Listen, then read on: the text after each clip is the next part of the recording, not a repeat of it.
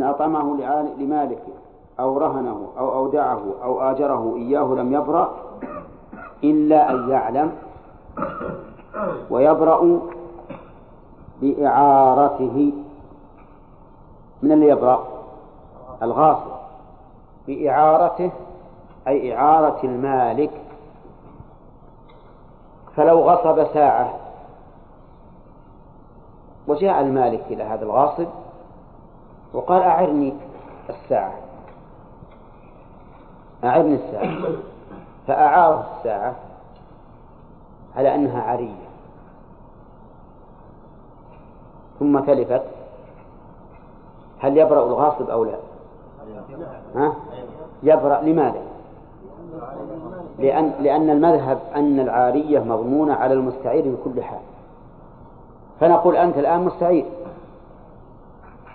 والعارية إذا تلفت عندك فأنت ضامن. ولا فائدة من أن نقول اضمن ونرد عليك الضمان. آه، قروشك ما, ما, ما له فائدة. إذا نقول يبرأ الغاصب بالإعارة. فإن قلنا إن المستعير لا يضمن إلا إذا تعدى وفرط فإنه لا يبرأ الغاصب إلا إذا تعدى أو فرط. فإن لم يتعدى ويفرط فإنه يرجع على الغاصب. فإذا قال قائل هل هذه الصورة ممكنة؟ يعني هل يمكن أن المالك يأتي إلى الغاصب ليستعير منه العين المغصوبة؟ ها؟ لا يعلم منها هي؟ أي نعم يمكن. بتغير الصفة. أو يغصب منه مثلا حيوانا كشاة ويذبحه يمكن يعير لحم يمكن يعير الجلد؟ يمكن. لكن اللحم أظن ما يستعار لأن اللحم لا ينتفع به إلا بإتلافه إلا بأكله. طيب. إذا نقول هذه عدة صور. أولا إذا أطعمه لمالكه هو يبرأ ولا لا؟ نعم. إن علم المالك برئ برئ الغاصب. وإن لم يعلم لم يبرأ. طيب. إذا إذا رهنه لمالكه. إن علم المالك أن هذا ملكه فملكه قد أتاه ولا وبرئ الغاصب. وإن لم يعلم لم يبرأ. وكذلك لو أودعه إياه أو أجره إياه لأن المالك إذا لم يعلم فإنه يتصرف مع الغاصب على أنه مالك. غاصب قال المؤلف وما تلف أو تغيب من مغصوب مثلي. نعم وما تلف. نعم. أو تغيب بالغين. لا لا بالغين. بالغين حطوا نقطة على على المهملة. وما تلف أو تغيب من مغصوب مثلي. غرم مثله إذن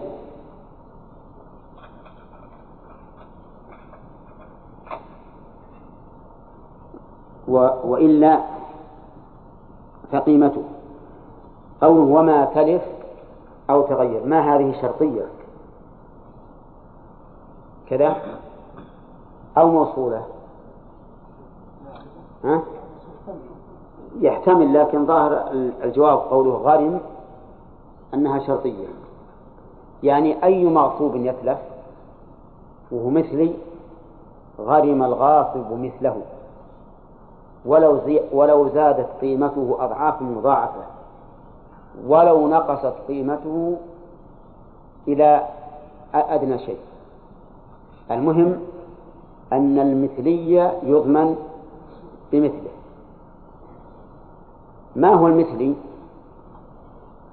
استمع إلى تعريف المثلي في المذهب. كل مكين أو موزون يصح السلم فيه وليس فيه صناعة مباحة. كل مكيل أو موزون. هذا الجنس.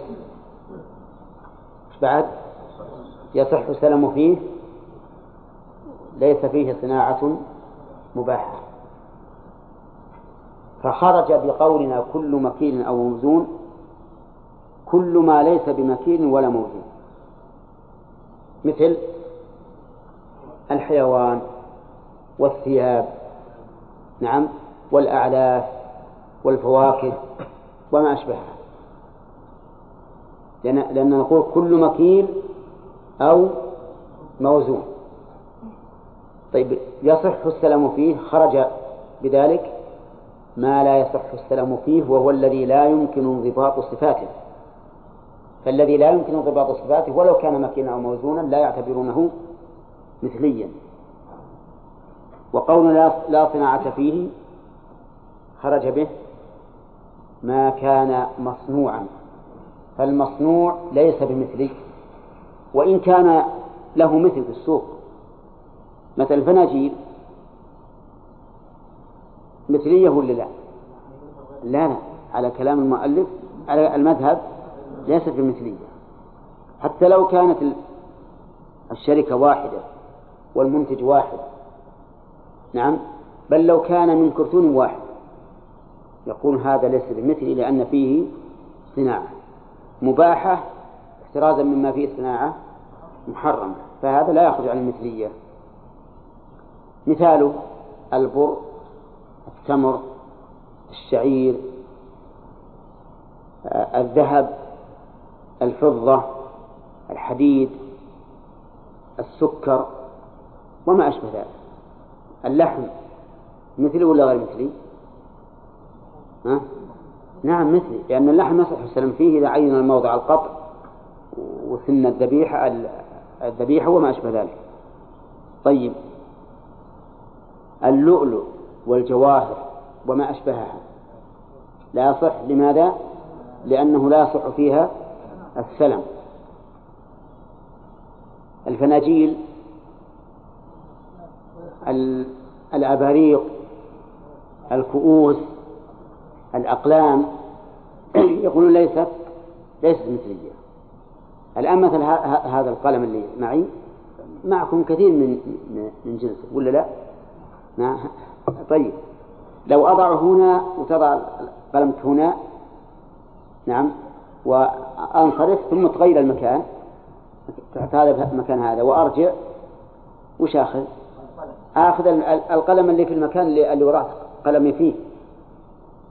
لأنهما لأنهما سواء متماثلان مو متشابهان متماثلان وأيما أشد تماثلا؟ تماثل هذه الأقلام أو تماثل صاع بر بصاع بر. ها؟ أيها أشد؟ الأقلام بلا شك أشد. ولهذا التعريف للمثل بهذا المذكور ضعيف جدا.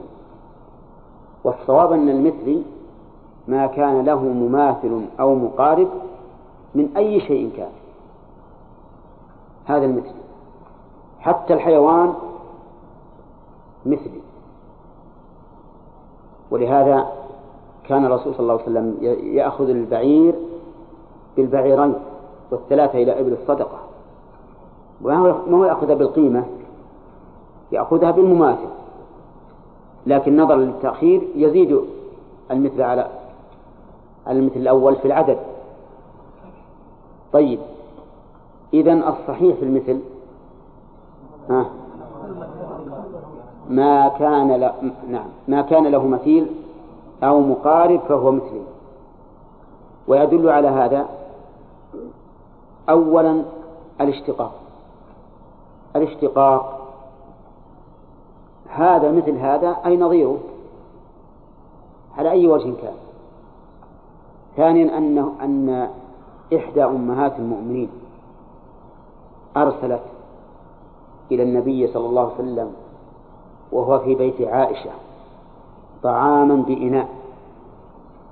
فلما جاء به الرسول إلى بيت عائشة وكانت عائشة رضي الله عنها شديدة الغيرة على رسول الله صلى الله عليه وسلم لعظم محبتها له.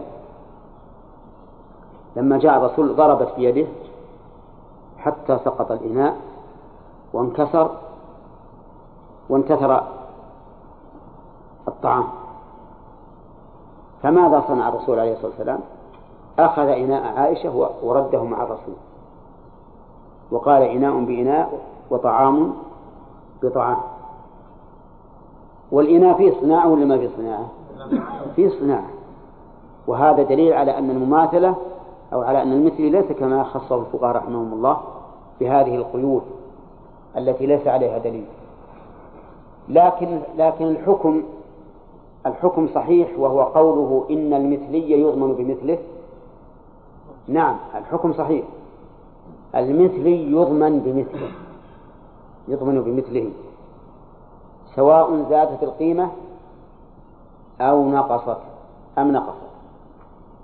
فإذا أتلف شخص لي شيئا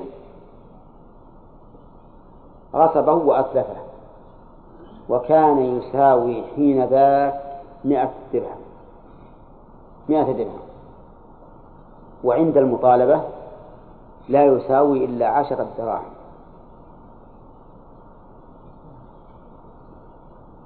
هل لي أكثر من ذلك؟ لا. ها؟ لا ليس لي أكثر من هذا ليس لي أكثر من ذلك وعلى هذا فالمثل يضمن بمثله نقصت القيمة أم زادت لو كان هذا الشيء الذي غصبه مني حين تلفه يساوي عشرة. وعند المطالبة يساوي مئة. هل أكون ظالما له إذا ألزمته بإعطاء المثل مع الزيادة؟ ها؟ لا لا. لأن لأن لي المثل سواء زادت أم نقصت. لكن بعض أهل العلم رحمهم الله يقول إن النقص بالسعر كنقص الصفة. كنقص الصفة. فكما أنك لو غصبت بعيرا ونقص عندك تضمن نقصه فإذا نقص سعره ضمنت نقصه. وهذا القول متجه متجه جدا.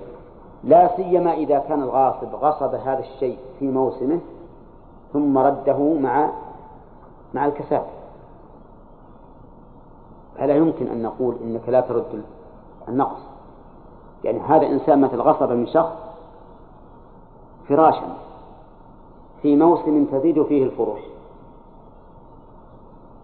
غصبه من منه وهو يساوي مثلا ألف ألف ألف درهم. ثم عند المطالبة لا يساوي هذا الفراش إلا مئة درهم. هل نقول إنه لا يلزمه إلا, إلا هل نقول إنه إذا ضمن هذا الفراش لا يعطى شيئا؟ لا نقول بهذا هذا في الواقع. ظلم. يقول أنت غصبت مني الفراش وذهبت بعته في ذلك اليوم ب 100 والآن تجي لمي تقول هذا مثل فراشك. آه نعم بعته بألف والآن تبيع تأتي لمي. تأتي إلي وتقول هذا فراشك. لا يساوي إلا مئة. والله أعلم. نعم. تلفه أو تغيبه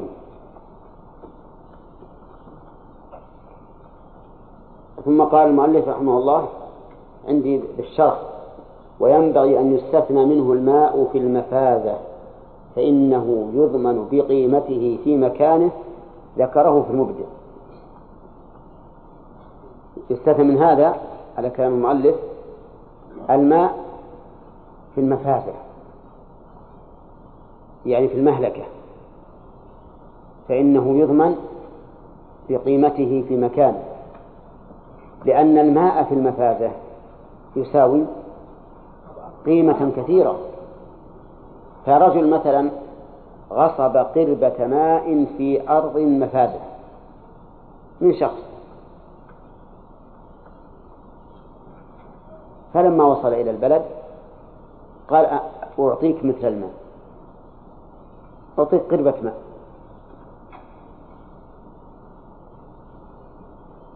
ما تقولون في هذا؟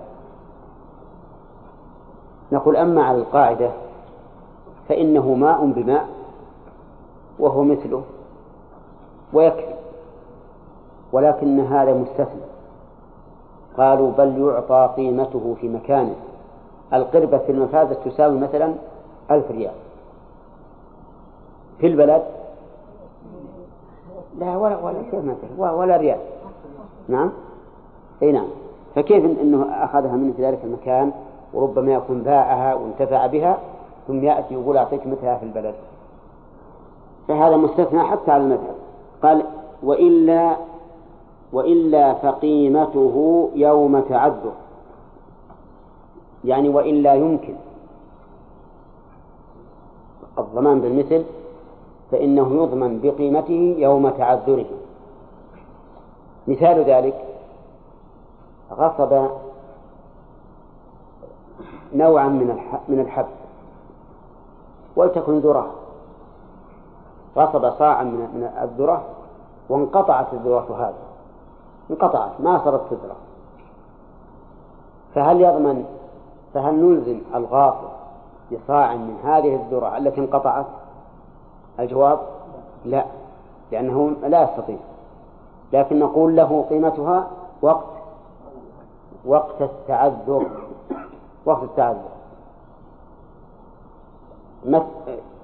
في قيمتها يوم الغصب الصاع بعشرة قيمتها يوم التعذر الصاع بعشرين كم يضمن؟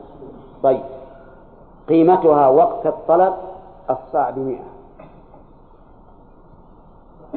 ها؟ عشرين. لاحظ عندنا آه ثلاث أوقات وقت الغصب ووقت التعذر ووقت الطلب. هذا الرجل حين غصب الذرة يساوي الصاع عشرة. وحين تعذرت وانقطعت يساوي عشرين. وحين الطلب لما طلبه الغاصب به يساوي مئة. فقال الغاصب أنا أريد أن يعطيني مئة. لأن الأصل أن الصاع باق في ذمته تقديرا. وأنا لا أقبل إلا مئة. نقول نعم. لو كان لو كانت هذه الذرة موجودة الآن وارتفع سعرها إلى مئة فلك الحق أن تقول أعطني صاعا أو أعطني مئة. لأنه إذا أعطاك صاعا فكما لو أعطاك مئة.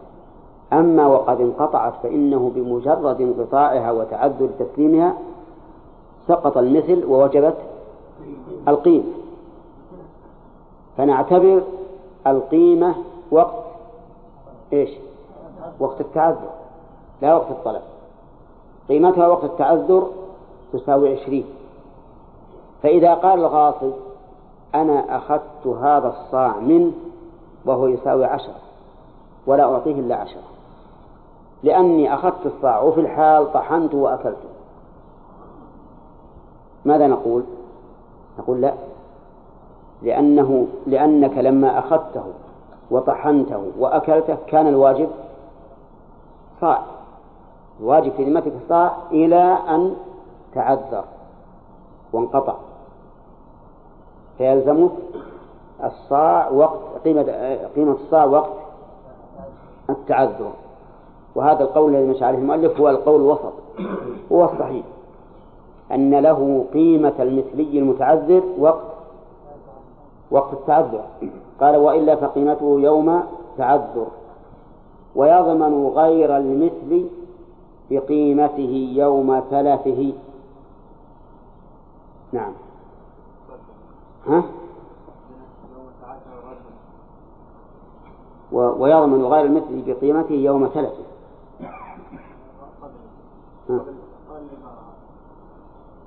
اللي قبل وإلا يمكن رد المثل يعني فقيمته يوم تعذر. بس. يوم تعذر إيش؟ يوم تعذر الرد. لا عندنا يوم التعذر. ولا حتى ولا بالشرح ما هي موجودة ولا بالشرح عندك بالشرح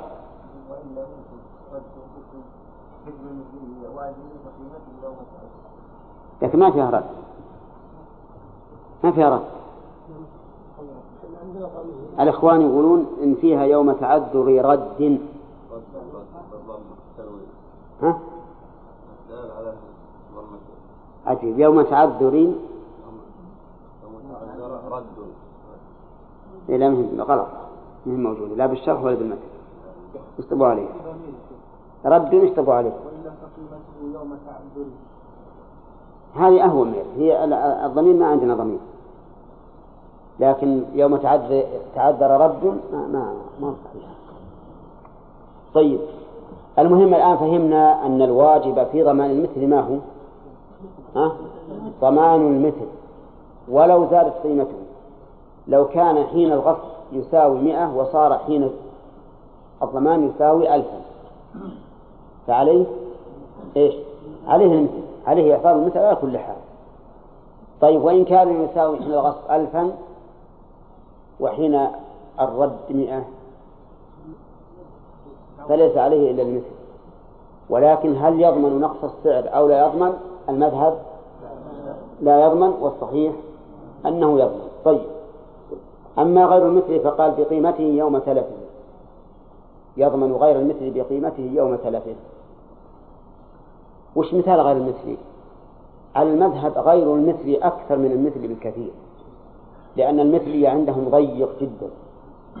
فالثياب مثلا كلها عندهم غير مثلية.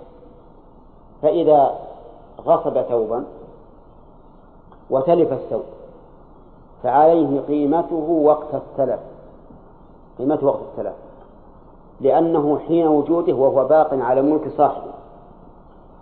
فإذا تلف زال ملك صاحبه. فتثبت القيمة لصاحبه حين إيش؟ حين التلف. مثال هذا رجل غصب ثوبا فلبسه. هذا الثوب يساوي خمسين ريالا.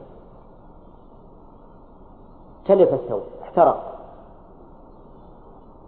وكان حين احتراقه يساوي مئة ريال. ثم طالب المالك بثوبه. وكان حين الطلب يساوي مئتي ريال. فما الواجب؟ ها؟ الواجب مئة ريال. مع أن الثوب له نظير في السوق الآن. نظيره في السوق يساوي مئتين. فلماذا لا يعطيه مئتين؟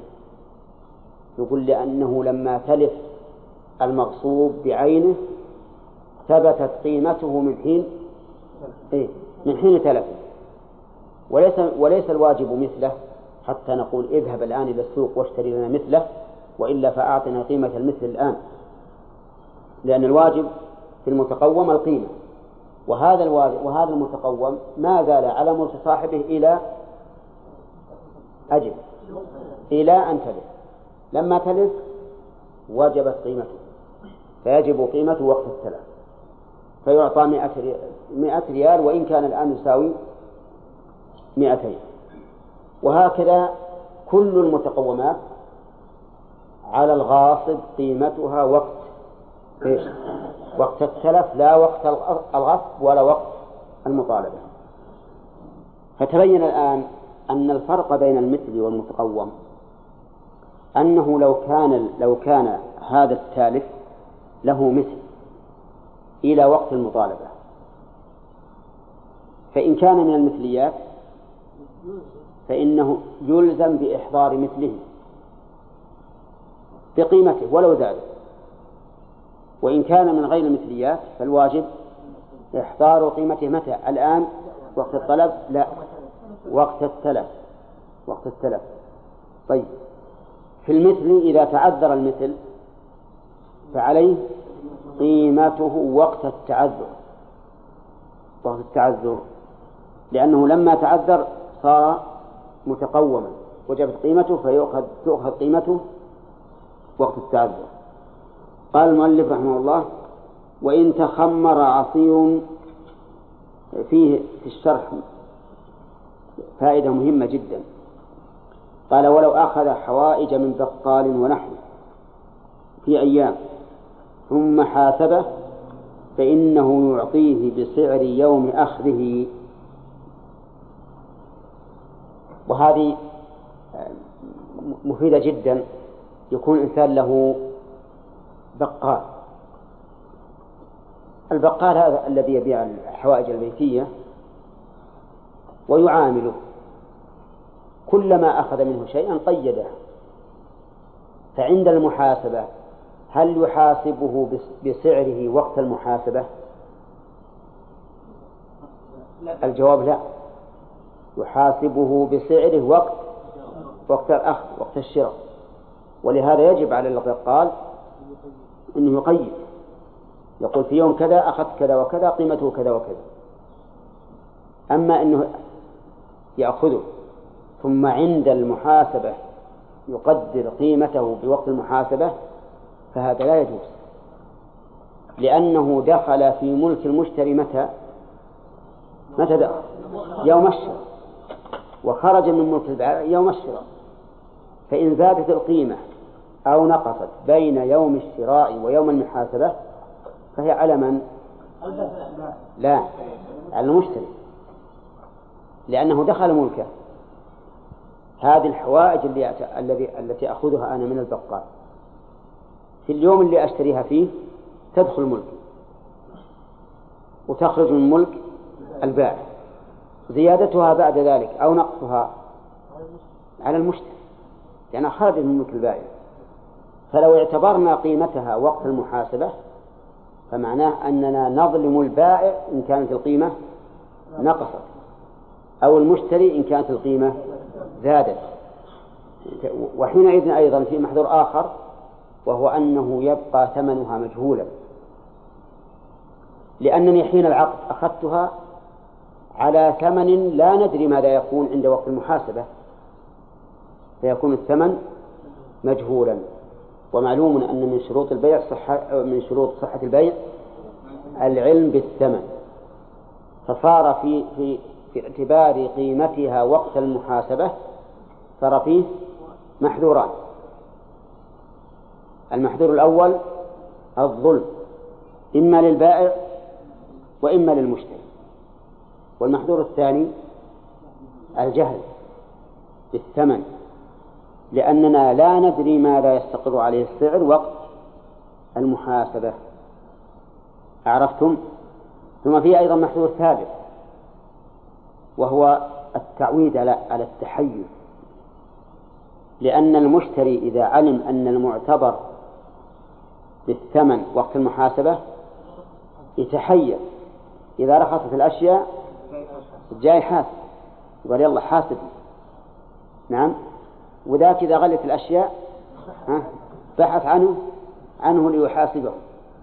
فيكون في هذا فتح باب للتحيل والمنازعات والخصومات. فكان الواجب الآن أن نقول لهذا الشخص نعم قيد ما ما أشتريه منك كل يوم بثمنه. طيب لو اتفق شخص مع آخر قال أنا أريد أن أجعل معك راتبا كل يوم أريد منك رطل لحم قيمته خمسة ريالات. نقول رطل بدل رطل كيلو لأن ما تعرفون الرطل كيلو لحم قيمته خمسة ريالات كل يوم الكيلو خمسة ريالات كل يوم واتفقوا على هذا وكتبوا بينهما عقدا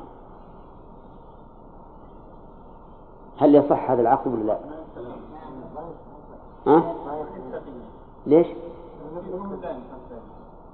أنا ما اشتريت الآن رضينا. إن قلتم يصح خطأ وإن قلتم لا يصح خطأ. ها؟ لا لا ما بس اليوم اتفقوا على هذا. الصورة هذه اشترى منه كل يوم كيلو لحم خمسة ريالات. اتفقوا على هذا لمدة سنة. لأن هذا الرجل عنده مقاولة أنه يؤمن طعام مثلا للمستشفى ولا غيره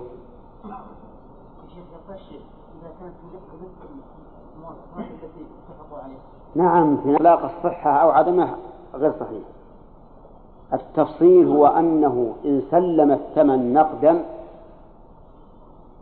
قبل التفرق فصحيح وإلا فليس بصحيح لأن العلماء يجعلون هذا من باب من باب السلم والسلم لا بد فيه من من قبض من قبض الثمن في مجلس العقد. إذا أيهما أريح؟ أن يقول أن يتفق معه على أن يحتاج كل يوم كيلو لحم بسعر أخذه بسعر أخذه مثل ما قال المؤلف هنا. يشتري منه كل يوم كيلو لحم أو كيلوين المهم بسعر أخذه أو أنه يقدر الثمن وينقده في وقت العقد. ها؟ أي الظاهر حسب الحال. إن كان المشتري غنيا فالثاني أيسر له لأنه يسلم من احتمال الزيادة في المستقبل. وإن كان المشتري ليس بغني فلا له طريقة إلا إلا ما قال المؤلف. أنه يتفق معه على أن كل يوم يقدر بثمنه وقت الآخر. نعم. والصلاة والسلام على نبينا محمد وعلى آله وأصحابه أجمعين. ما هو الواجب في المثل إذا تلف أحد؟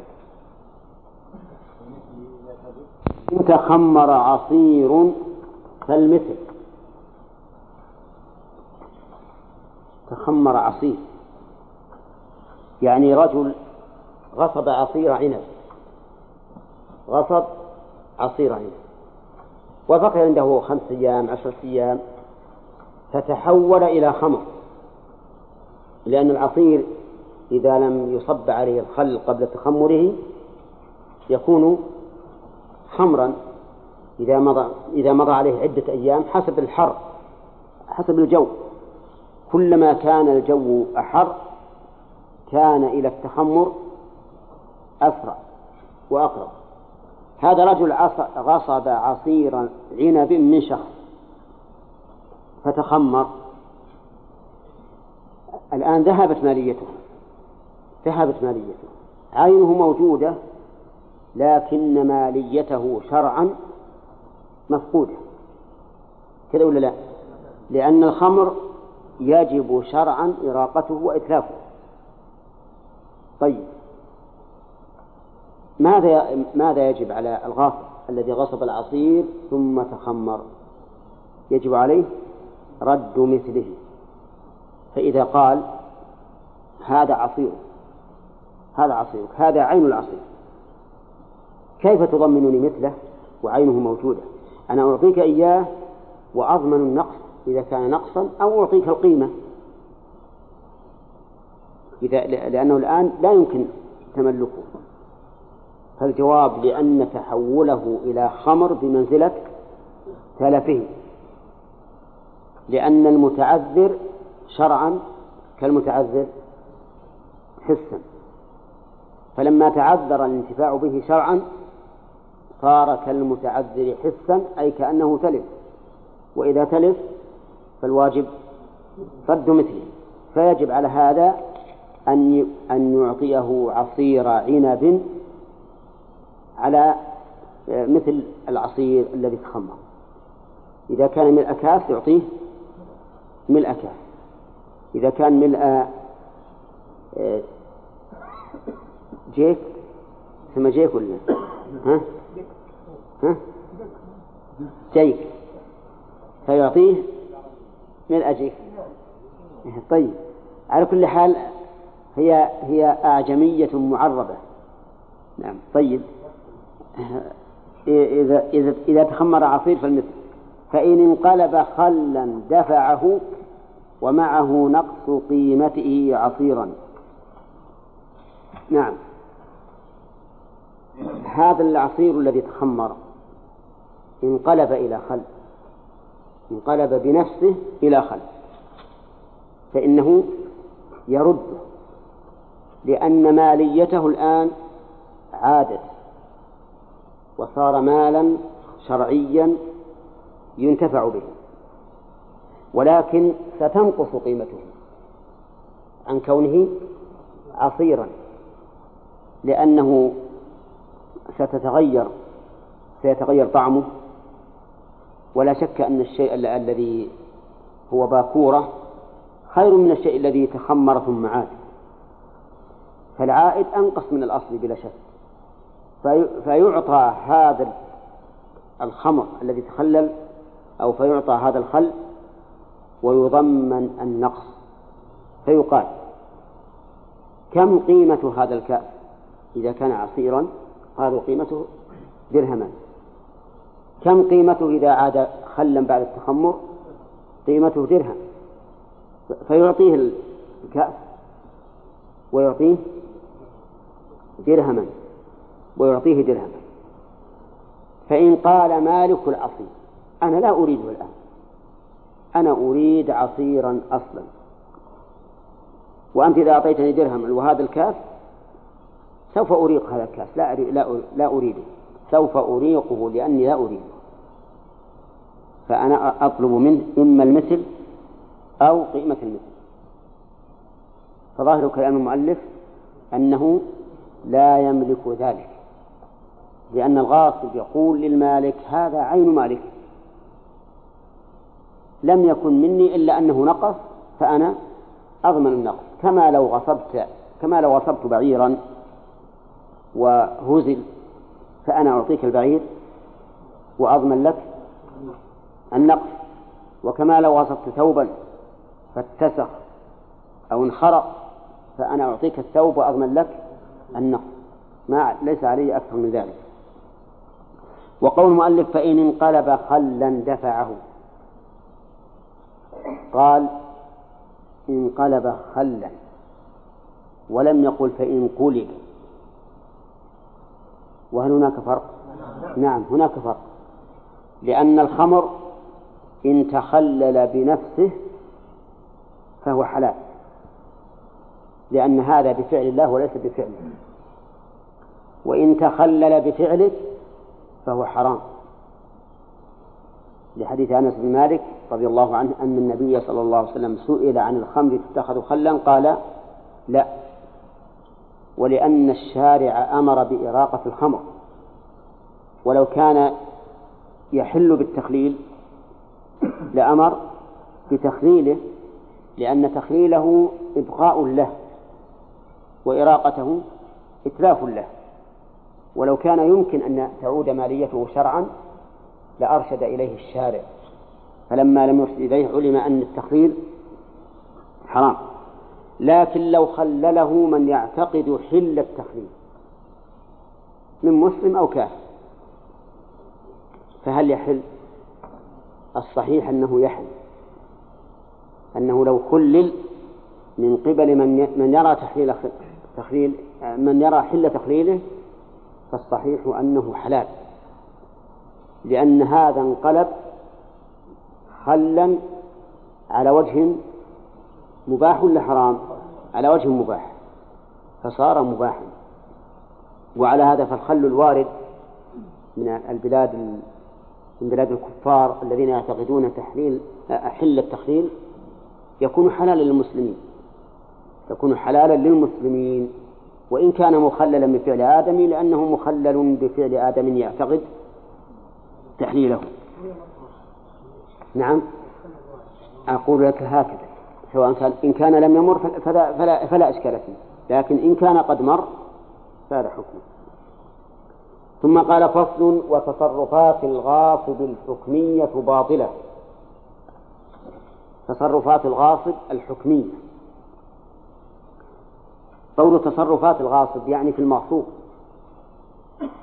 الحكمية التي يلحقها حكم من صحة أو فساد. لا من حل أو حرمة لأن تصرفات الغاصب من حيث الحل والحرمة كلها سواء. ما حكمها؟ الحرام. حكمها؟ أنها حرام. تصرفات الغاصب في المغصوب كلها حرام.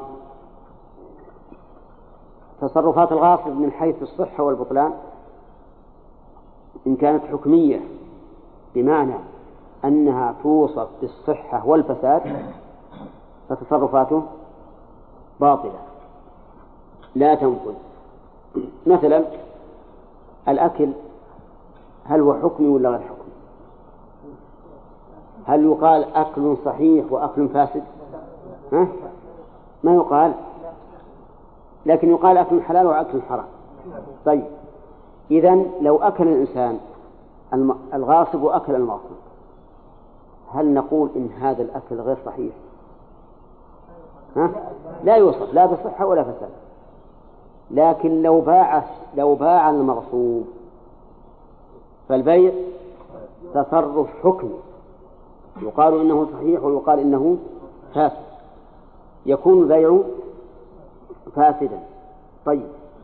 أجر. نعم. هذا تصرف حكمي ولا ولا غير حكمي؟ حكمي. تكون الإجارة فاسدة. زوج الأمة التي غصبها. تصرف حكمي لا يصح. وقف المغصوب تصرف حكمي لا يصح. إذن كل تصرف يقال يصح أن يوصف بالصحة والفساد فإنه إذا وقع من الغاصب يعتبر فاسدا وهداية الله يعطينا مثال آخر ها؟ ما تعرف ها. الهبة لو وهبه لم يصح والإعارة المهم كل تصرف كل تصرف يوصف بالصحة والفساد فإنه إذا وقع من الغاصب لا يصح. ولهذا قال المؤلف تصرفات الغاصب الحكمية. طيب لو حج بمال مغصوب. كذلك. يصح. يكون صحيح ويكون فاسد. لو صلى في مكان مغصوب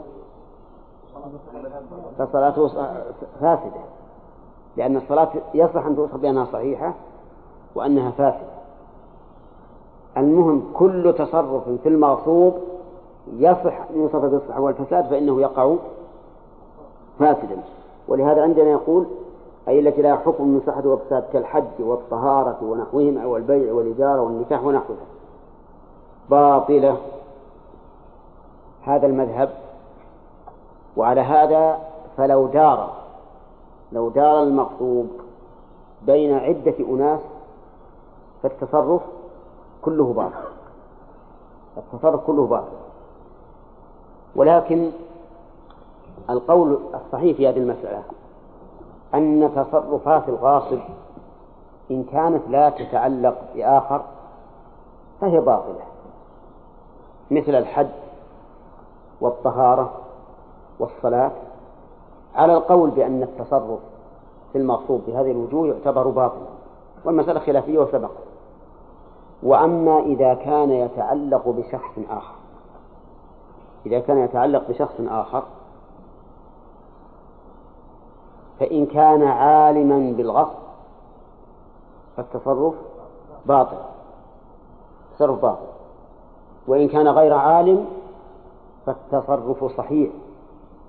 ولا يمكن استرداده من من الثاني لا سيما مع طول المدة ولكن يضمن الغاصب على الوجه الذي يقتضيه الضمان.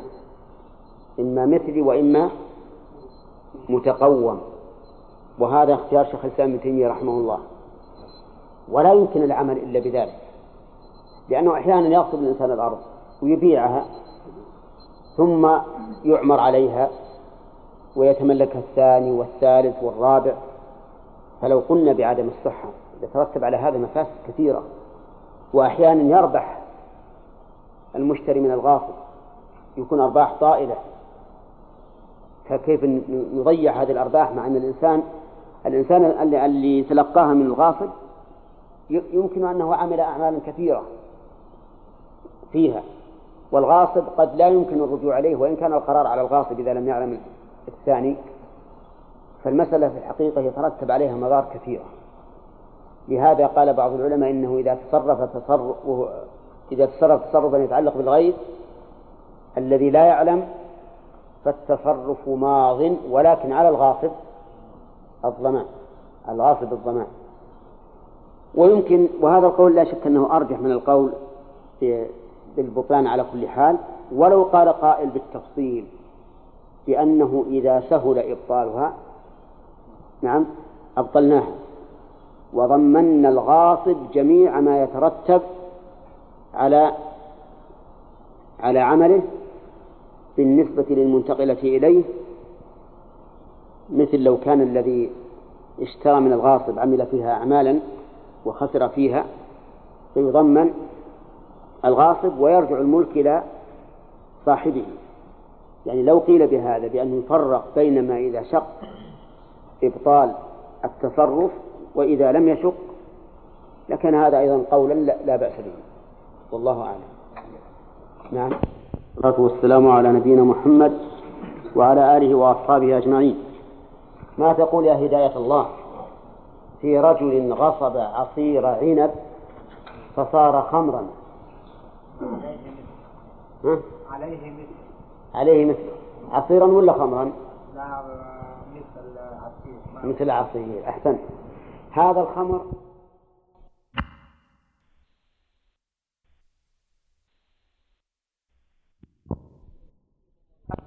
كل تصرفات الغاصب على المذهب باطلة يجب ردها. يجب ردها. وهذا القول الذي ذهبوا إليه يعارض ظاهر ما نص عليه الإمام أحمد رحمه الله في أن الغاصب إذا اتجر فالربح للمالك. الغاصب إذا اتجر بالمال المغصوب فالربح للمالك. مثل غصب سيارة. وصار يبيع بها باعها واشترى سلعة وربح وصار يبيع ويشتري وربح. قيمة السيارة كانت أربعين ألفا وربح إلى أن بلغ أربعمائة ألف. فقد نص الإمام أحمد على أن الربح للمالك وليس للغاصب شيء. الحقيقة أن هذا النص من الإمام أحمد يدل على أن التصرف صحيح ولا باطل؟ صحيح لأنه لو كان باطلا لبطل من بنى عليه وهو الربح. لكنه قال إن الربح للمالك ولهذا اختلف الأصحاب رحمهم الله في تخريج هذا النص. ولكننا إذا قلنا بالقول الصحيح لم يكن في هذا النص إشكال. وهو صحة تصرف الغاصب ما لم ينقض المال. فإذا قلنا بهذا انتهى الإشكال. ولهذا بعض بعض الأصحاب قال إن هذا من الإمام أحمد يدل على صحة تصرف الغاصب. وقال بعضهم إنه محمول على ما إذا كثرت التصرفات. وصار رد التصرف شاقا. فيدرى هذه تدرى هذه المشقة ويبقى التصرف التصرف صحيحا والربح المالي وقال بعضهم إن هذا فيما إذا أجازه المالك فيكون مبنيا على صحة تصرف الفضول. المهم أنهم اختلفوا ولكننا إذا مشينا على القول الراجح وهو صحة التصرف ما لم يقضه المالك لم يبقى في هذا إشكال. قال المؤلف رحمه الله والقول والقول في قيمة التارك أو قدره أو صفته قوله وفي رده أو تعيبه قول ربه. يمكن وعدم عيبه قول ربه. طيب. هذه ثلاث هذه عدة اختلافات. الأول اختلاف المالك والغاصب في قيمة التالف المغصوب الآن تالف غصب سيارة واحترقت غصب سيارة واحترقت فاختلف المالك والغاصب في في قدر قيمتها فقال المالك القيمة عشرون ألفا وقال الغاصب القيمة أربعون ألفا. صح؟ مثال؟ ها؟ ما يمكن؟ طيب. إي نعم. اذا قال المالك القيمة أربعون ألفا. وقال الغاصب القيمة عشرون ألفا. فمن القول قوله؟ يقول القول قول الغاصب. القول قول الغاصب. لماذا؟ لنا في ذلك دليل وتعليل. أما الدليل فهو قول النبي صلى الله عليه وسلم البينة على المدعي. البينة على المدعي. واليمين على من أنكر. فهنا عشرون ألفا متفق عليها. ولا لا؟ ما هو الغاصب يقول إنها عشرون ألف والمالك يقول أربعون ألفا. إذا عشرون ألفا متفق عليها. ما في أشكال. يبقى العشرون الثانية يدعيها المالك. نقول أنت مدعي. والنبي صلى الله عليه وسلم يقول البينة على المدعي هات بينة تشهد بأن السيارة تساوي أربعين ألف. وإلا فليس لك إلا ما أقر به المدعى عليه وهو الغاصب. واضح؟ هذا دليل. التعليل أن الغاصب غارم. أن الغاصب غارم. والغارم قوله مقبول الغارم قوله مقبول لأن ما زاد على على قوله الأصل براءته منه فالأصل براءة الذمة فلا يمكن أن نخالف هذا الأصل إلا ببينة مثل القاعدة واضحة ولا لا؟ ها؟ الغاصب غارم ولا غير غارم؟ غارم لأن من غرمها القيمة الغارم قوله مقبول فيما يطلب غرمة لأن الأصل براءته مما زاد على ما يقر به. فمثل هذا الغاصب. سنغمن قيمة السيارة. إذا فهو غارم ولا غير غارم؟ غارم. هو الآن مقر بعشرين بعشرين ألفا. نغرمه إياه العشرون الأخرى الأصل براءة ذمته منها حتى يقوم دليل على أن ذمته مشغولة بها وهذه قاعدة عند العلماء أن كل غارم فقوله مقبول كل غارم قوله مقبول فيما غرم عرفتم يا جماعة؟ زين على أي أساس بنيت هذه القاعدة؟ على أي أساس؟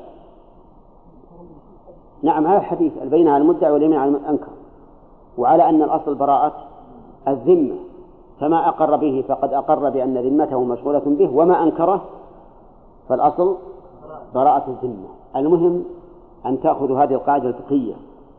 كل غار فقوله مقبول. ولهذا دائما يعللون يقول القول قوله لأنه غارم فإذا قال قائل الفرق الآن كبير. بين قول المالك والغاصب إذ أن الفرق هو النصف. أفلا يمكن أن نلغي قول كل واحد منهما ونرجع إلى قيمة المثل بمعنى أن نقول للغارم تعال صف السيارة. ونقول بأن نقول للمالك صف السيارة ونقول للغاصب صف السيارة. فإذا اتفقا على وصفها نسأل أهل الخبرة. نقول ما تقولون في سيارة صفتها كذا وكذا. نعم؟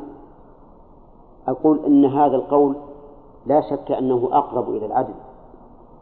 يعني إذا كان الفرق بين قول المالك والغاصب كبيرا كهذا فيمكن أن نلغي القولين جميعا ونقول طيب أعطونا صفة السيارة.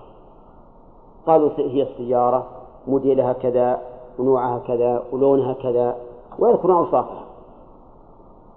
إذا اتفقوا على الوصف وش بقي علينا؟ تقدير القيمة نلغي قولهما أو نلغي قوليهما ونرجع إلى أهل الخبرة. نذهب إلى أهل المعارض ونقول ما تقولون في سيارة؟ صفتها كذا وكذا وكذا كم قيمتها؟ إذا قالوا قيمتها أربعون أخذنا بقول من؟ بقول المالك إذا قالوا قيمتها عشرون أخذنا بقول الخاص إذا قالوا قيمتها ثلاثون ها؟ ألغينا قوليهم وأخذنا نعم بالثلاثين. إذا قالوا قيمتها عشرة هل نرجع إلى العشرة؟ أو نرجع إلى قول الغاصب؟ نعم. هذا محل خلاف بين الفقهاء رحمهم الله. قال بعضهم نأخذ بالعشرة. لأننا لما ألغينا قوليهما صارت المسألة ابتدائية وأهل الخبرة قالوا تساوي عشرة. وقال بعض أهل العلم بل نأخذ بما قال الغاص الغارم. أي نعم اللي هو الغاصب. لأن الغاصب أقر على نفسه الآن بأن بأن في ذمته عشرين لهذا للمالك فكيف نسقط عنه العشرة؟ نعم وهذا إلى إلى إلى الواقع أقرب. هذا أقرب إلى الصواب. لأننا نأخذ الإنسان بما أقر به. نأخذ الإنسان بما أقر به. طيب هذه واحد. ثانيا أو قدره القول في قدر المغصوب قول الغاصب. كيف قدر؟ مثل إيش؟ قال المالك إنك غصبت مني شاتين. وقال الغاصب لم أغصب إلا واحدة. من القول قوله؟ قول الغاصب. هذا واضح. أن القول قول الغاصب. للدليل والتعليل. الدليل ها البينة على المدعي واليمين على من أنكر. فشاة واحدة متفق عليها الآن. الشاة الثانية مختلف فيها. المالك يدعيها والغاصب ينفي هذه الدعوة فنقول أنت أيها المالك مدع والغاصب منكر والبينة على المدعي واليمين على من أنكر. التعليل أن الغاصب غارم والغارم قوله مقبول لأن الأصل براءة ذمه ذمته مما لم يقر به. طيب هذا هذه ثانيا القول في صفته. القول في صفته قول الغاصب. قال المالك للغاصب غصبتني عبدا كاتبا مهندسا. نعم. وقال وقال الغاصب بل غصبتك عبدا أميا أخرق. الأول كم قيمته؟ كثير. والثاني ما يسوى نفقته. قليل. عبد أمي أخرق هذا لا أحد يشتريه. من القول قوله؟ قول الغاصب لأن الجميع اتفقوا على غصب عبد لكن ادعى المالك وصفا زائدا على الذات وهو أنه كاتب مهندس والغاصب ينكره. قال المالك غصبتني قمحا جيدا. وقال الغاصب بل قمح ردي. من القول قوله؟ طيب القول قول الغاصب. للدليل والتعليل. طيب كذلك يقول قوله يعني قول الغاصب. وفي رده وعدم عيبه وعندي نسخة تعيبه. القول قول ربه. في رده. قال المالك لقد غصبتني عبدا ولم ترده علي فقال المال الغاصب بل رددته عليه بل رددته عليه. القول قول من؟ قول المالك. للدليل والتعليل أيضا. اتفق الجميع على أن العبد كان عند الغاصب. أليس كذلك؟ الغاصب يقول نعم غصبت لكن رددت. والمالك يقول غصبت ولكن لم ترده فاتفق الجميع على أنه عند الغاصب. ثم ادعى الغاصب أنه رد. نقول أنت الآن مدعي. وقد قال النبي صلى الله عليه وسلم البينة على المدعي. هات بينة أنك رددته على مالكه وإلا فهو عنده أما التعليل فنقول إن الأصل بقاء ما ما هو براءة المال. الأصل بقاء ما كان على ما هو عليه. حتى يقوم دليل على انتفاء هذا الأصل. فالأصل أن هذا الغصب أن هذا العبد لما كان عند الغاصب فهو باقي حتى تقوم بينة على أن هذا الأصل قد زاد. في عدم تعيبه قال المالك إنك غصبتني عبدا سليما. وقال الغاصب بل عبد معين. مثاله رد الغاصب العبد وعينه قد فقئت أعور. العور عيب ولا ولا كمال؟ عيب. فقال المالك إنك غصبته مني سليم العينين. وقال الغاصب بل غصبته منك أعور. من القول قوله؟ ها؟ ما هو الأصل عدم العين ولا الأصل؟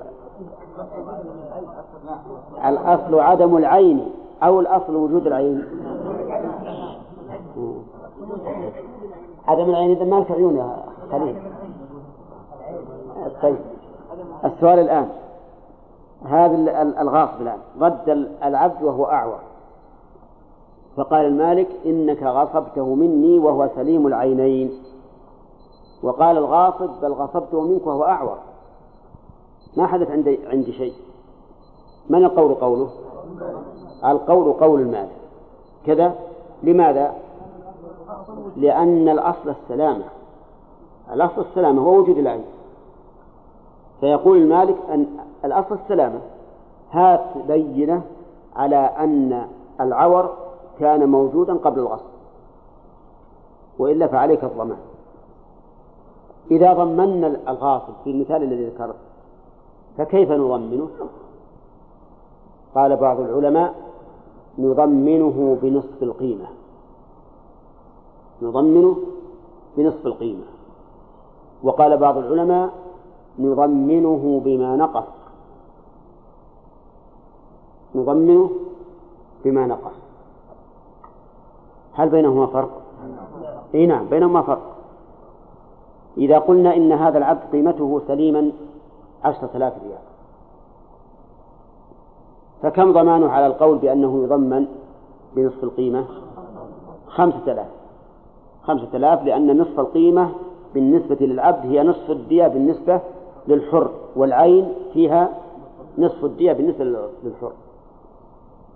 إذا قلنا بما نقص نقول نقوم العبد الآن سليما ونقومه أعور. قالوا سليما يساوي عشرة آلاف. أعور يساوي ألفين. ها؟ كم يضمن؟ ثمانية آلاف. بدل ما قلنا في الأول خمسة آلاف. أيهما أقرب للقواعد؟ الثاني أقرب للقواعد. لأن العبد مملوك يباع ويشترى. ليس كالحر. الحر دية مقدرة من قبل الشرع لكن هذا عبد مملوك يباع كما تباع البهاء. وحينئذ نقول يلزم الغاصب على القول الثاني وهو الراجح كم؟ ثمانية آلاف درهم. لا خمسة آلاف لأنه يضمن بما نقص. نعم. فلا بد من يمينه. يعني ما نقول القول قولك فقط نعطيه أو نأخذ بقوله لا بد من اليمين. لا بد من اليمين. فمثلا إذا قال الغاصب للمالك إني رددته عليك. فقال المالك للغاصب ما رددته علي؟ نقول للغاصب ائت ببينة. قال ما عندي بينة. نقول للمالك احلف. احلف أنه لم يرده عليك. فإن حلف ألزمنا به الغاصب وإن لم يحلف قضينا عليه بالنكول. قضينا عليه بالنكول. وقلنا الآن نحكم ببراءة الغاصب لأنك نكلت. ولو كنت صادقا في أنه لم يرده عليك لم يكن اليمين بضار لك.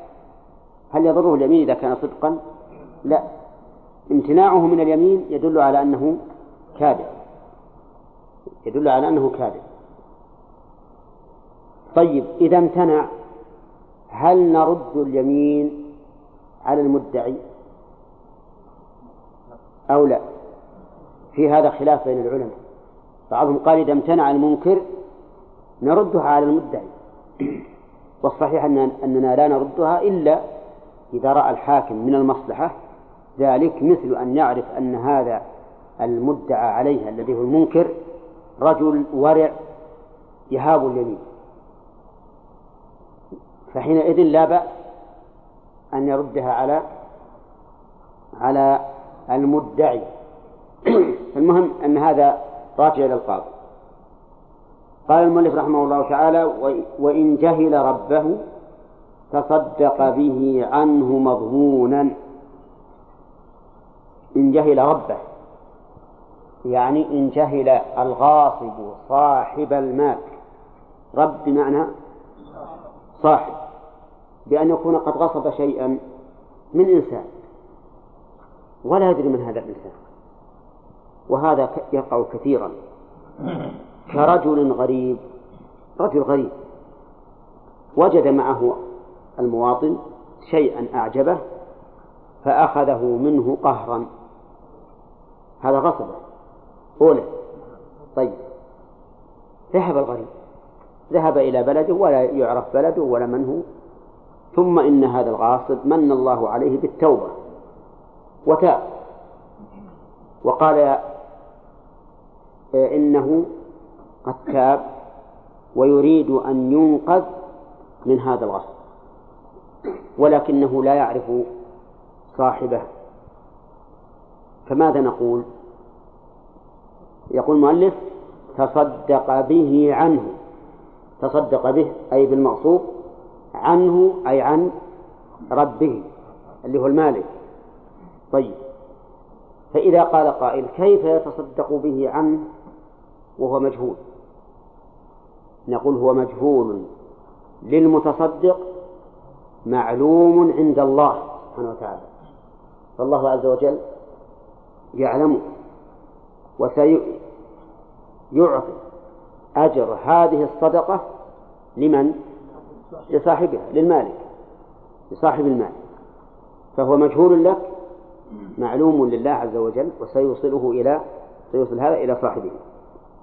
وقول المؤلف مضمونا يعني أنه لا يبرأ منه البراءة الكاملة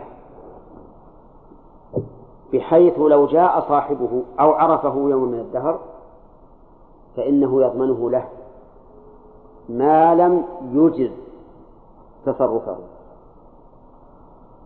أنتم معنا؟ طيب نقول إذا معنى مضمونا أنه لم يبرأ منه البراءة الكاملة بل إذا وجد صاحبه بل إذا علم صاحبه و و فإنه يضمنه له. ما لم إيش؟ ما لم يجز.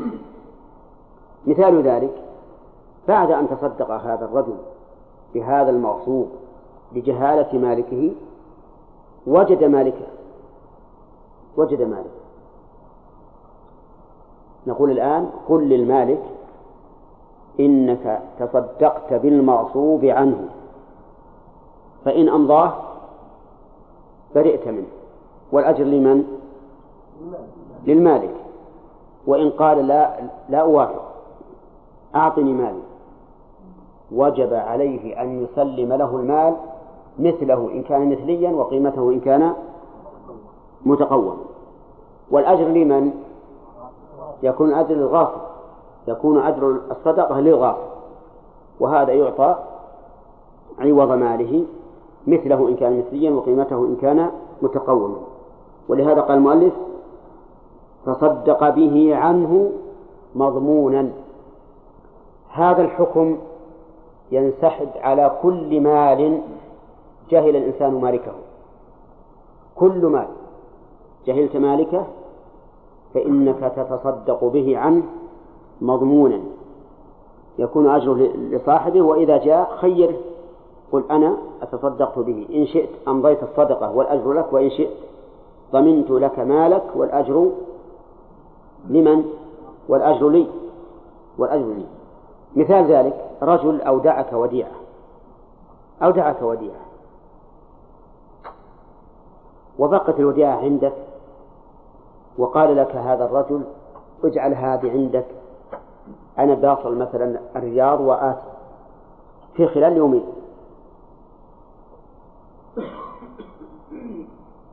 أودعها عندي وبقي يومين وثلاثة وشهرا وشهرين وسنة وسنتين ما جاءني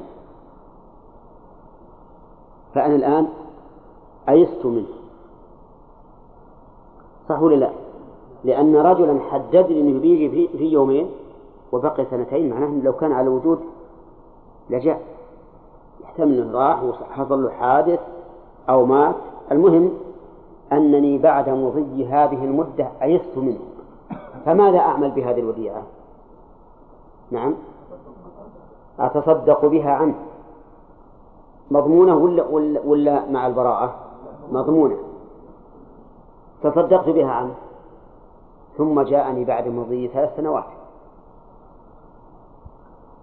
فماذا أقول؟ أقول له الآن أنت بالخيار. إن شئت أمضيت الصدقة والأجر لك. وإن شئت ضمنت مالك والأجر والأجر لي. واضح هذا ولا لا؟ طيب. رجل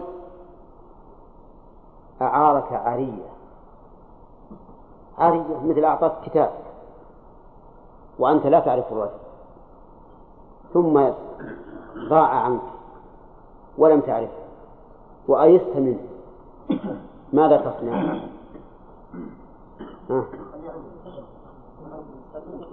طيب أنا أيست منه. نقول تتصدق به مضمونا. تتصدق به مضمونا. فإذا جاء صاحبه قلت إني, إني أيست منك فتصدقت به جعلته في مكتبة أعطيته طالب علم فإن شئت أمضيت وإن شئت رجعت. إذا قال أنا أمضي فالأجر له إذا قال أنا أرجع ننظر إذا كان الكتاب موجودا رددناه عليه. إن كان غير موجود ضمناه بقيمته مستعملا لا جديدا. وعلى هذا فقس. فالقاعدة إذن كل مال مجهول صاحبه مأيوس منه ها؟ يتصدق به عنه مضمونا ولا تبقى المسألة معلقة. لأن حتى الإنسان اللي عنده المال سيتعب. يبقى معلق لا يدري ماذا يصنع. نقول ما من شيء إلا ويجعل الله له فرجا ومخرجا. فأنت الآن تصدق به ثم إذا جاء فخيره. فإذا قال قائل هذا التصرف يقتضي صحة تصرف الفضولي وأنتم لا تقولون به. وش معنى التصرف الفضولي؟ ها؟ تصرف الفضولي أن يتصرف الإنسان بمال غيره بدون إذنه. فإذا أجاز التصرف فهل ينفذ أو لا ينفذ في خلاف. مثال ذلك أنا أخذت كتاب غانم وبعته بدون إذنه. هذا تصرف فضولي. يعني بغير وكالة وبغير إذن لكن كانت البيعة طيبة. بعته وهو يساوي عشرة باثني عشر. وجاز الثمن للأخ غانم. وقال قد أجزت البيع. يصح ولا ما يصح؟ المذهب لا يصح ولو أجاز لأنني تصرفت حين تصرفت وأنا لا أملك التصرف. والقول الثاني أنه يصح. إذا أجازه صح. البيع وله الثمن ما يحتاج طيب هذه المسألة فيما إذا جهل مالكه قلنا إنه يتصدق به ويخير مالكه إذا جاء إذا وجده. أليس هذا إجازة للتصرف الفضولي؟ ها؟ الجواب نعم. لكن يقولون إن هذا قد دعت الضرورة أو الحاجة إليه. قد دعت الحاجة أو الضرورة إليه. وإذا دعت الحاجة أو الضرورة إليه فهو جائز للضرورة. كما قلنا في مال المفقود مال المفقود اللي راح ونزع عنه ما عنه خبر أليس يورث ويوزع؟ يورث ويوزع لدعاء الحاجة إلى ذلك. وعلى هذا فنقول إذا دعت الحاجة إلى ذلك ابتداء أو دواما فإنه يصح التصرف الفضولي وإذا لم تدعو لم يصح والصحيح أنه يصح مطلقا. ويدل على ذلك حديث عروة بن الجعد رضي الله عنه أن الرسول صلى الله عليه وسلم أعطاه دينارا يشتري به أضحية. فاشترى أضحيتين بدينار واحد ثم باع واحدة بدينار. فجاء إلى الرسول صلى الله عليه وسلم ومعه دينار وأضحية. فقال له النبي صلى الله عليه وسلم بارك الله لك في بيعك. فكان لا يشتري شيئا ولو ترابا إلا ربح فيه. المهم أن الرسول صلى الله عليه وسلم أجاز أجاز تصرفه. ولو كان تصرف الفضولي ممنوعا مطلقا لنهاه الرسول عليه الصلاة والسلام لأن النبي صلى الله عليه وسلم لا يقر على باطل. وهذا اختيار شيخ الإسلام ابن تيمية رحمه الله. ولأن الحق حق آدم ولا حق لله؟ ها؟ حق آدم فإذا أجازه الآدمي فالحق له. لماذا لا ينفع؟ نعم. لكن ما رأيكم بالذي طلق زوجته فسمعته جارته. فصاحت به ويلك يا فلان تطلق زوجتك؟ فقال وأنت طالق على شر رجلك. نعم. وش تصير هذا؟ الظاهر هذا لا يصح. أولا لأن هذا وقع في حال في حال غضب شديد. كأنه يقول ما لست دخل في الموضوع. لكن من شدة غضبه عليها طلقها على على شر زوجها. نعم. عبد الرحمن؟ ومن أتلف مالا محترما. ومن أتلف محترما. أو فتح قفصا. أو بابا. أو حل وكاء. أو رباطا. أو قيدا. فذهب ما فيه أو أتلف شيئا ونحوه ضمنه ذكر المؤلف هذه المسائل في باب الغصب لأنها تشبه باب الغصب من حيث العدوان. الأول قال من أتلف محترما فهو ضامن له. يعني إذا أتلف الإنسان شيئا محترما فهو ضامن له. والمحترم هو الذي لا يجوز إتلافه. مثال ذلك أتلف كتابا لشخص. وهذا الكتاب لا يشتمل على بدع ولا على شيء منكر إنما هو كتاب علم إما ديني أو غير ديني. المهم أنه أتلف هذا الكتاب. فعليه الضمان مع الإثم. عليه الضمان مع الإثم. وكيف يضمنه؟ إن كان مثليا فبمثله. وإن كان غير مثلي فبقيمته كما سبق. فإن عفا ربه إن عفا ربه فهل يضمن؟ لا يضمن. إذا عفا ربه فلا يضمن. بل ويسقط يسقط الإثم أيضا. لأن لأنه إذا عفا الإنسان فالله أحق بالعفو. وقول المؤلف محترما احترازا مما ليس بمحترم. كما لو أتلف خمرا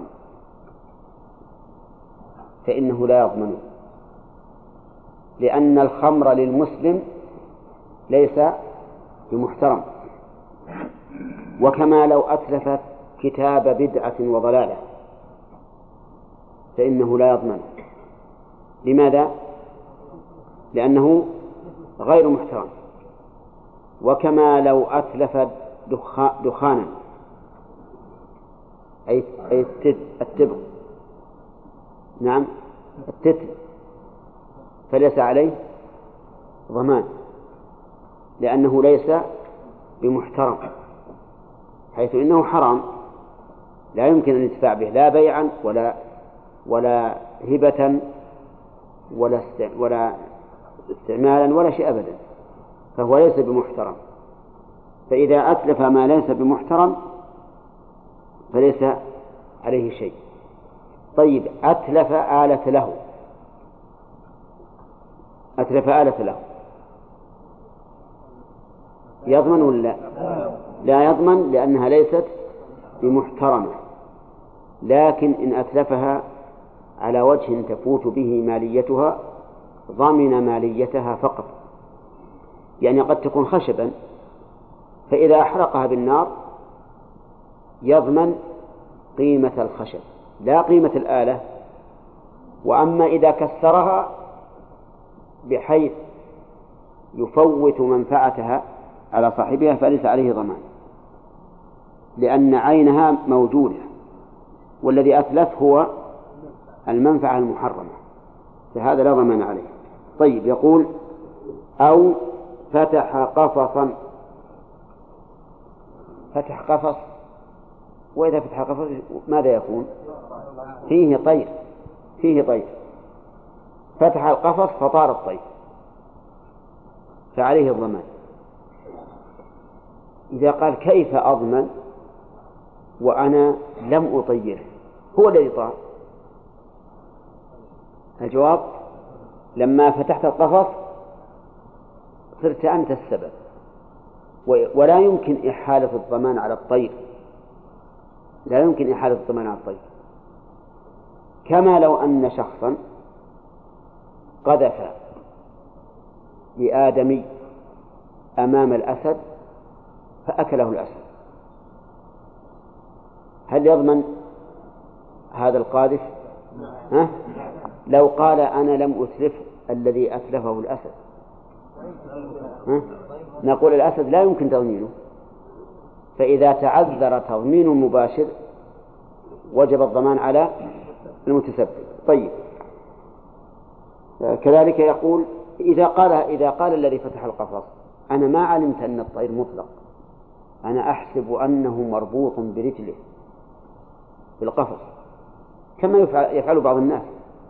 مع كونه في القفص يربطه. فماذا نقول؟ نقول عليك الضمان عليك الضمان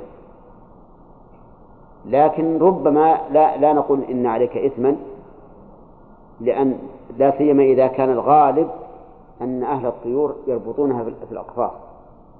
إنما الضمان لا بد لأن حق الادمي يستوي فيه العالم والجاهل والذاكر والناسي والعاقل والمجنون.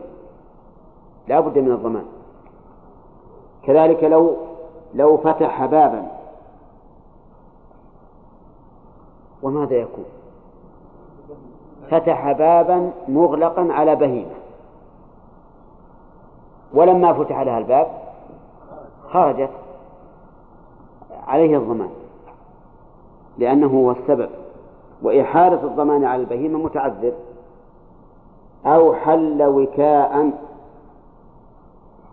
حل وكاء يعني وكاء وعاء فيه شيء مائع كوكاء لبن. وكاء سقاء وكاء سقاء اللبن. إنسان أتى على وعاء لبن وحل حل وكاءه. ثم خرج اللبن. عليه الضمان؟ طيب. الدهن. لا ليس كذلك. إن كان جامدا فلا ضمان عليه لأنه لن يخرج. وإن كان مائعا فعليه الضمان. إلا إذا حل وكاء الجامد وأبقاه في الشمس حتى ذاب وخرج فعليه الضمان. يقول أو أو حل رباطا أو حل قيدا حل رباطا يعني لدابة مربوطة أو قيدا لدابة مقيدة. ما الفرق يا بخاري بين القيد والرباط؟ الرباط يثبت في الأرض ويربط به تربط به البهيمة والقيد تقيد اليد والرجل أو اليدان وهو يمشي غير ثابت.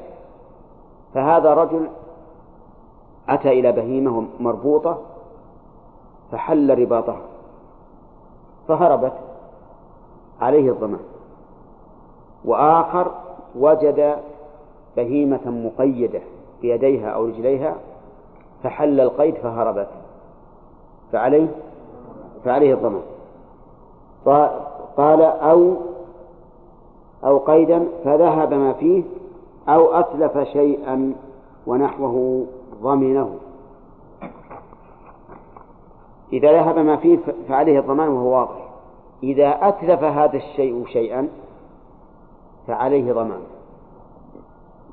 يعني حل قيد جمل. فذهب الجمل وأفسد الزروع وأكلها. وتلف. فعليه ضمان الجمل وعليه ضمان الزرع الذي أتلفه الجمل. وذلك لأنه هو المتسبب والمباشر لا يمكن لا يمكن تضمينه. فكان هو الضامن. وإن ربط دابة بطريق ضيق فعثر به إنسان أو أتلف شيئا ضمنه. كذا؟ لا. فعثر به إنسان ضمنه. نعم. إذا ربط دابة بطريق فلا يخلو إما أن يكون الطريق واسعا بحيث لا تضيق على المارة فهذا لا ضمان عليه. لا سيما إذا جرت العادة بمثل ذلك. وإن كانت إن ربطها بطريق ضيق فجاء إنسان فعثر بها أو رمحته لما مسها فعليه الضمان. هل مثل ذلك السيارة؟ إذا أوقفها بطريق ضيق فجاء إنسان واصطدم بها فعليه عليه الضمان. وكذلك لو أوقفها بطريق واسع ولكنه في غير الموقف المخصص فعليه الضمان. مثل أوقفها في الطريق هو واسع لكن في المسار في الوسط فعليه الضمان. والضابط لذلك هو الاعتداء بأن يفعل الإنسان ما, لي ما ليس له فعله. وفهم من قول المؤلف بطريق ضيق أنه لو لو ربطها بطريق واسع فلا ضمان عليه ولكن المذهب أن عليه الضمان مطلقا. قالوا لأن الطريق لمنفعة المستطرق ليس للإنسان الذي يوقف سيارته أو أو دابته به فعليه الضمان مطلقا لكن ما ذكره المؤلف أصح. وهو أنه إذا كان الطريق ضيقا أو واسعا لكن أوقفها بمكان لم يعد للوقوف فعليه الضمان. طيب لو وقع لو لو وضع حجرا في الطريق فعثر به إنسان فمات أو انكسر هل يضمن؟ نعم يضمن. يضمن. لأنه معتدي. لكن لو وضع الحجر لمصلحة السالكين كما لو كانت الطريق وحلا يعني فيها طين وزلق فوضع الحجر ليمشي الناس عليه. فنقول إن كان له حق التصرف كما لو كان من جهة المسؤولين عن الطرقات فلا ضمان عليه. وإن لم يكن له حق التصرف نظرنا. إن كان الطريق مشتركا وجعل هذا بينه وبين جيرانه والطريق المشترك هو الطريق المسدود. وجعل هذا بينه وبين جيرانه فهذا لا بأس به لأن له حق التصرف فيه. وإن كان نافذا فهذا محل نظر. لأننا نقول إنه ليس لك الحق في أن تضع مثل هذا الإحجار ودع الناس بالوحل ما عليك منه. أما أن تضع حجرا يكون سببا لعثرة الناس فيه فهذا ليس ليس إليك. يقول المؤلف رحمه الله كالكلب العقور لمن دخل بيته بإذنه أو عقره خارج منزله. إنسان عنده كلب عقور. وكلمة عقور تدل على أن العقر من من طبيعته وصفاته بخلاف عقله إذا إذا هوجم فهذا لا يخلو منه كلب. لكن هذا إنسان عنده كلب عقول فخرج الكلب إلى السوق وعقر الناس فعليه الضمان ولهذا كالكلب العقور لمن عقره نعم لمن عقره خارج المنزل أو دخل المنزل بإذن رب المنزل فإنه يضمن. أما الأول الذي عقره خارج المنزل فظاهر لأنه عقره في مكان لا يختص به صاحب الكلب. وكان على صاحب الكلب أن يربطه حتى لا يعقر الناس. وأما الثاني الذي عقره في المنزل لمن دخل بإذنه فلأن دخوله بإذنه يقتضي أن يكون في حمايته. ومن المعلوم أن كل صاحب مكان أرض بستان بيت إذا كان مستعدا لقدوم الضيوف وعنده كلب عقور فإن العادة أن يربط الكلب. فإذا لم يربطه دخل إنسان بإذنه وعقره فعليه الضمان. فإن دخل بغير إذنه فليس عليه ضمان. لماذا؟ لأن الداخل معتدي. الداخل معتدي.